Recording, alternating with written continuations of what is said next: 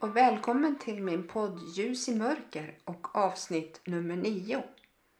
Jag tänker att det redan är avsnitt nio. Jag vill gärna berätta om min kristna tro och hur det är att leva som en kristen. Idag hade jag tänkt berätta om hur man lär känna Gud personligen. Det har dröjt lite längre den här gången innan jag släpper det här avsnittet och anledningen är att jag inte har mått så bra. Jag har haft influensaliknande symptom som har yttrat sig i en stor matthet som kommit över mig helt plötsligt. Och då förmår jag i stort sett ingenting. Jag blir helt orkeslös och får feberkänsla och nyser och tror att Ja, just det. Att jag fått covid-19. Och när jag tänker på det så känner jag efter lite mer och mår då ännu sämre naturligtvis. Mina tankar går också till mamma och när jag ringde henne i förrgår så var hon så trött. Oj, tänkte jag. Tänk om jag smittat henne. Som snart är 94 år. Hon skulle inte klara av att bli sjuk. Visserligen är hon relativt pigg för det mesta och det fattas henne ingenting fysiskt. Förutom att hon har artros som gör att hon inte kan räta på ryggen. Och sen har hon demens som jag pratat om tidigare. Varje gång jag ringer henne så säger hon sitt namn. Och när jag säger Hej mamma, det är Charlotte Åh, vad roligt att du ringer. Jo, jag mår så bra så. Det är aldrig några sura miner. Hon är också väldigt social och pratar gärna med hemtjänstpersonalen om allt möjligt. Och hon är så tacksam för det de gör. På måndagsmorgnarna så brukar mamma få duscha när de är där för att kunna hjälpa och stötta henne. Hon blir så glad över att få duscha. Så hon säger när vattnet strilar över hennes huvud. Åh, tänk att man kan få uppleva något så skönt. Jag tror att jag är i himmelriket. I torsdags när jag känt av symptomen från influensa så bestämde jag mig resolut för att beställa tid för provtagning. Jag fick tid redan samma dag 14.30. Bara några kilometer från vår bostad. När jag kom dit så stod det en buss där och ut kom en mörkhyad kille med full mundering med plastförkläde, handskar, munskydd och visir. Och han gick mot min bil med en plastpåse med en massa grejer i. Här får du, sa han. Du kan läsa hur du ska göra. Jaha, sa jag och började leta i påsen efter instruktioner. Det var tre långa tops och en liten pipett med koksaltlösning och ett tomt rör samt en liten kopp och en kompress. Först skulle man trycka ut koksaltlösningen i det tomma röret och därefter stoppa den där topsen så långt ner i halsen som möjligt och ha den där i 20 sekunder. Sen skulle man ta nästa tops och trycka in i näsan så långt man kunde. Ja, inte ända ner i halsen kanske, men ganska långt ner. Och hålla den där i 20 sekunder ungefär. Jag tror aldrig att 20 sekunder kunde vara så lång tid. Jo, förresten. Jag minns att jag gjorde plankan en gång och då var det minst lika långt. Man ligger på mage och höjer sedan upp kroppen på armbågarna och man ska se ut som en planka. Det skulle stärka kroppen och framförallt ryggen. Pröva får du se. När jag sen var klar med det så skulle man spotta i den där lilla koppen så att det fyllde botten. Och sen ta den tredje topsen och röra runt i spottet och sen gegga med det i röret med koksaltlösningen. precis som med de andra topsen. Det var en lika svår instruktion som ett visst möbelvaruhus ger ut när man ska få ihop en liten hylla. Man blir bara snurrig och intellektet funkar inte. I alla fall inte för mig. Då är det bättre att använda sunt förnuft många gånger. Till slut så var jag klar och jag startade bilen och då förstod killen i bussen att jag var klar. Så han sprang ut för att hämta påsen så att jag inte skulle åka hem med den och lägga den på postlådan. Det stod att man skulle få svar inom 48 timmar. Idag, med marginal, fick jag svaret från 1177. Och gissa om jag fick hjärtklappning. Så här stod det. Egenprovtagning covid-19 för dig som är sjuk. Mm, tänkte jag. Men sen stod det provsvar ej påvisat. Ej påvisad covid-19 betyder att du inte har covid-19. Vad ska du tänka på nu? Ett provsvar med resultatet ej påvisat betyder att det inte fanns virus i ditt prov och du kan börja leva som normalt igen när dina symptom försvunnit och du känner dig helt frisk. Gissa om jag pustade ut. Nu ska jag bara kolla med ett blodprov om jag har antikroppar. Man kan ju ha haft covid-19 innan och faktiskt utan symptom. Det är lite lurigt det där. Men för tillfället kan jag fortsätta att pussa och krama min man.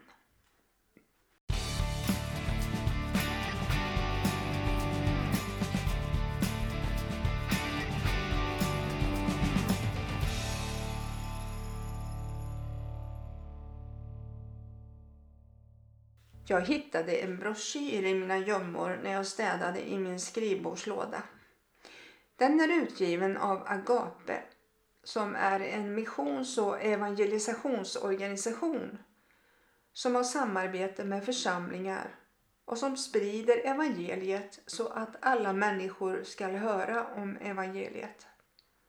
Jag tyckte det var en så bra undervisning där som handlade om hur man kan lära känna Gud personligen. Jag kan nog säga att jag alltid trott på att det finns en Gud som har skapat allt. Världen, djuren, dig och mig och så vidare. Och som har omsorg om sin skapelse. Det som gjorde att jag inte tidigare ville bli en kristen och lära känna min skapare det var att jag tyckte att kristna levde ett så tråkigt liv i mina ögon. Man pratade mycket om att det skulle finnas en så kallad syndakatalog som talade om vad man inte fick göra. Det var synd att sminka sig, gå på bio, dansa, dricka alkohol med mera. Och man skulle ha en knut i nacken, speciellt om man var pingstvän. Man skulle se ut som en kristen där man gick, alltså tråkig. Och det som man såg för ögonen var det som gällde. Nu vet jag bättre. Jag har läst i Bibeln att det inte handlar om yttre saker utan om att ha ett rent hjärta och vara fylld av andliga frukter som jag pratat om tidigare. Men andens frukter är inget man klistrar på sig för att man valt att tro på Gud och Jesus. Utan det är något som den helige ande ger när vi tar emot Jesus i våra liv. Motivet för mig att vilja lära känna Gud personligen det var att jag skulle känna trygghet oavsett vad som händer. Det är ju verkligen häftigt, minst sagt, att ha en relation med vår skapare. Om det är en relation på förlåtelsens och nådens grund så är det fantastiskt. Eller hur? Jag ska citera mycket från broschyren, eller traktatet som det heter, för det ger en heltäckande bild för vem Gud är och vad som krävs av oss när vi väljer att följa honom. Många i vår värld är pessimistiska när det gäller framtiden. Massmediernas upphåsade förväntningar har inte övertygat oss om att livet blir bättre under 2000-talet. Brottslighet, våld, ekonomisk otrygghet och mänskligt lidande visar inga tecken på att upphöra. Jesus Kristus däremot ger verkligen hopp. Han framhäver vårt grundläggande behov av att få frid med Gud och gör sedan den försoningen möjlig. Det första som står är Gud älskar dig och vill att du ska lära känna honom. Och hur kan jag då veta att Gud älskar mig? Jo, så här står det i Johannes 3.16. Så älskade Gud världen att han gav den sin enda son för att de som tror på honom inte skall gå under utan ha evigt liv. Och vad är eh, evigt liv kanske du frågar? Jo, i Johannes 17 och 3 står det och detta är det eviga livet, att de som känner dig, den enda sanne guden och honom som du har sänt, Jesus Kristus. Men hur kommer det sig då att de flesta människor inte känner Gud på det sättet? Jo, då är det nummer två här. Vi väljer att gå vår egen väg och bryter kontakten med Gud.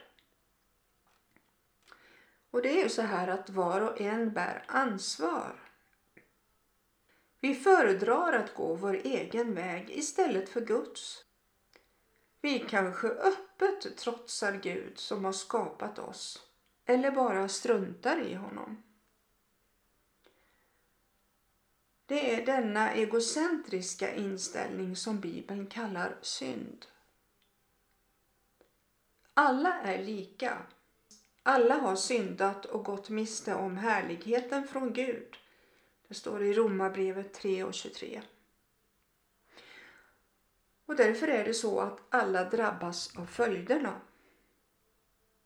I Romarbrevet 8 och 13 står det om ni lever på det sättet kommer ni att dö.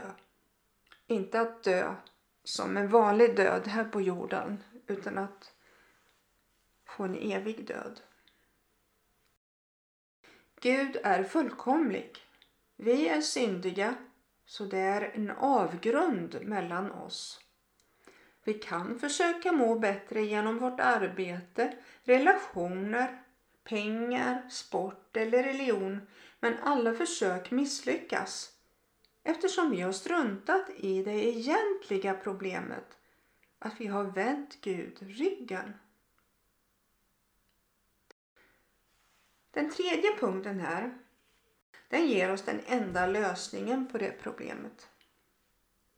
Och det står så här.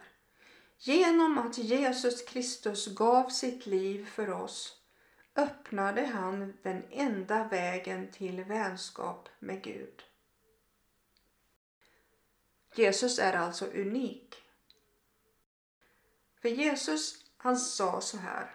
Jag är vägen, sanningen och livet. Ingen kommer till Fadern utom genom mig. I Johannes 14 och 6. Och Jesus har alltså makt att ställa allt till rätta. I Kolosserbrevet första kapitlet, vers 21 och 22 står det. Och ni som förut stod utanför och visade ert fientliga sinnelag i era onda gärningar. Också er har han nu försonat med sig genom att Kristus led döden med sin jordiska kropp. Nu är det så här att Jesus har makt över döden. Han framträdde för dem efter att ha lidit döden och gav dem många bevis på att han levde. Han uppstod alltså. Då han under 40 dagar visade sig för dem och talade om Guds rike. I Apostlagärningarna 1 och 3. Jesus tog konsekvenserna av vår själviskhet genom att ge sitt liv på korset. Han bevisade att han hade brutit syndens förstörande makt genom att uppstå från de döda. Och därför kan Jesus befria oss från skuld och ger oss en bro tillbaka till Gud. Men det räcker inte med att veta allt det här. Vi behöver ta emot Jesus Kristus så att vi kan lära känna Guds förlåtelse och vänskap. I Johannes 1 och 12 står det Men åt dem som tog emot honom gav han rätten att bli Guds barn åt alla som tror på hans namn. Och i Efesiebrevet kapitel 2, vers 8-9. Ty av nåd är ni frälsna genom tron, inte av er själva. Guds gåva är det. Det beror inte på gärningar. Ingen skall kunna berömma sig.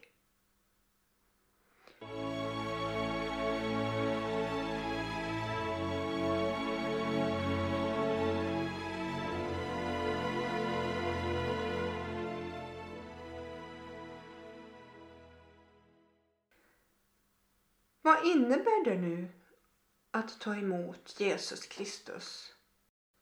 Jo, 1. Tro att Jesus var sänd av Gud för att öppna vägen till honom. 2. Att hålla med Gud om att vi bär skulden till att vi har vänt honom ryggen. 3. Att lita på att Gud förlåter oss fullständigt tack vare att Jesus har betalat vad vår själviskhet kostade. Och 4. Att bestämma sig för att följa Jesus. Ni vet, jag pratade om en annan gång att jag såg en, eh, en tavla där Jesus stod utanför en dörr. Och det var då hjärtats dörr det handlade om. Då citerade jag just det här bibelstället från Uppenbarelseboken 3.20. Se, jag står vid dörren och bultar. Om någon hör min röst och öppnar dörren ska jag gå in till honom och äta med honom och han med mig. Men det räcker inte med att veta eller känna att det här stämmer. Vi måste alltså välja. Jag la ut två bilder på Facebook och även på Instagram som föreställde ett hjärta. Och i det ena hjärtat så står det jag, J-A-G. Och eh, utanför hjärtat så fanns det ett kors. Och det, betydelsen av detta var att det är jaget som styr en egocentrisk människa. Och korset utanför betyder att Jesus Kristus är utanför. Intresset fokuseras på jaget vilket ofta leder till obehag och frustration. Sen den andra bilden, det föreställer också ett hjärta och då var det jag inne i hjärtat, J-A-G, och korset var också inne i hjärtat. Och det föreställde en Kristuscentrerad människa. Och då är det Jesus Kristus som leder. Och jaget följer Jesus Kristus och använder sig av hans liv och kraft. Och det betyder att intresset fokuseras på Kristus vilket leder till ökad samklang med Guds plan. Nu frågar jag. Vem styr ditt liv? Och är det så du vill ha det? För att ta emot Jesus måste du lägga ditt liv i hans hand. Gud bryr sig inte så mycket om vad du säger som om vad du har för inställning. Så här skulle du kunna säga till honom. Jesus, förlåt mig alla mina synder, det jag tänkt, sagt och gjort fel i mitt liv. Tack för att du dog på korset för min skull. Nu öppnar jag mitt hjärta för dig. Ta emot mig som jag är och gör mig sådan du vill att jag skall vara. Tack Jesus. Skulle du kunna be till Gud och mena det? För om du ber Gud att Jesus Kristus ska komma in i ditt liv så förändras du. Om du har bett Jesus att komma in i ditt liv har det hänt många saker. Bland annat 1. Jesus har kommit in i ditt liv genom sin ande och han kommer aldrig att lämna dig. 2. Han har förlåtit dig fullständigt. Och det står i Kolosserbrevet 2 och 14. 3. Du har fått en ny kraft i ditt liv som hjälper dig att förändras. Kolosserbrevet 2 och 15. Och 4. Du kan börja uppleva livet med Gud så som han hade tänkt sig. Johannes evangelium kapitel 17 vers 3 och Johannes evangelium kapitel 10 och vers 10. Hur kan du veta att allt det här verkligen har hänt? Jo, du kan veta att Jesus Kristus har kommit in i dig för det har Gud lovat och honom kan man lita på. I första Johannes brev 5, 11-13 står det Gud har gett oss evigt liv och det livet finns i hans son. Den som har hans son har livet. Den som inte har Guds son har inte livet.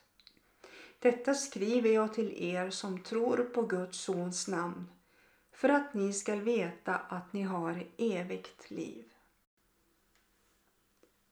Tacka ofta Gud för att Jesus Kristus bor i dig och aldrig kommer att lämna dig.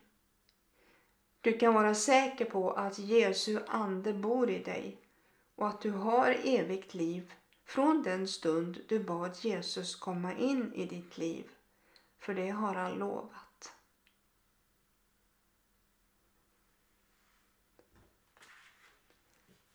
Jag sa att du kommer att förändras när du tar emot Jesus i ditt liv. Och jag kan vittna om att jag har blivit förändrad. Det står i Bibeln att vi blir nya skapelser när vi blir frälsta. Och det är ju så att hjärtat förändras. Jag var väldigt självisk innan. Allt som jag tänkte, allt som jag sa, allt som jag gjorde handlade bara om att jag skulle tillfredsställa mina egna behov. Men när jag blev frälst så kände jag empati för andra människor. Och jag har jobbat inom vården i många år och jag har känt att jag har älskat de människor som jag har vårdat. Hur jobbiga de än har varit så har jag ändå känt Jesu kärlek till dem. Och jag har känt att jag är en, en ny människa. Och jag känner också att jag vill leva för Gud resten av mitt liv. För det är det enda som betyder någonting. Och jag känner också att jag är trygg. Mitt i den här tillvaron som vi lever i. Mitt i covid-19 oron och andra orostankar man kan ha och uppleva. så finns det ändå en Gud som har omsorg om oss. Som älskar oss och som vill oss väl. Ta emot den där chansen. Vi vet ingenting om morgondagen. Men idag så kan du få ta emot Jesus i ditt liv. Gud välsigne dig.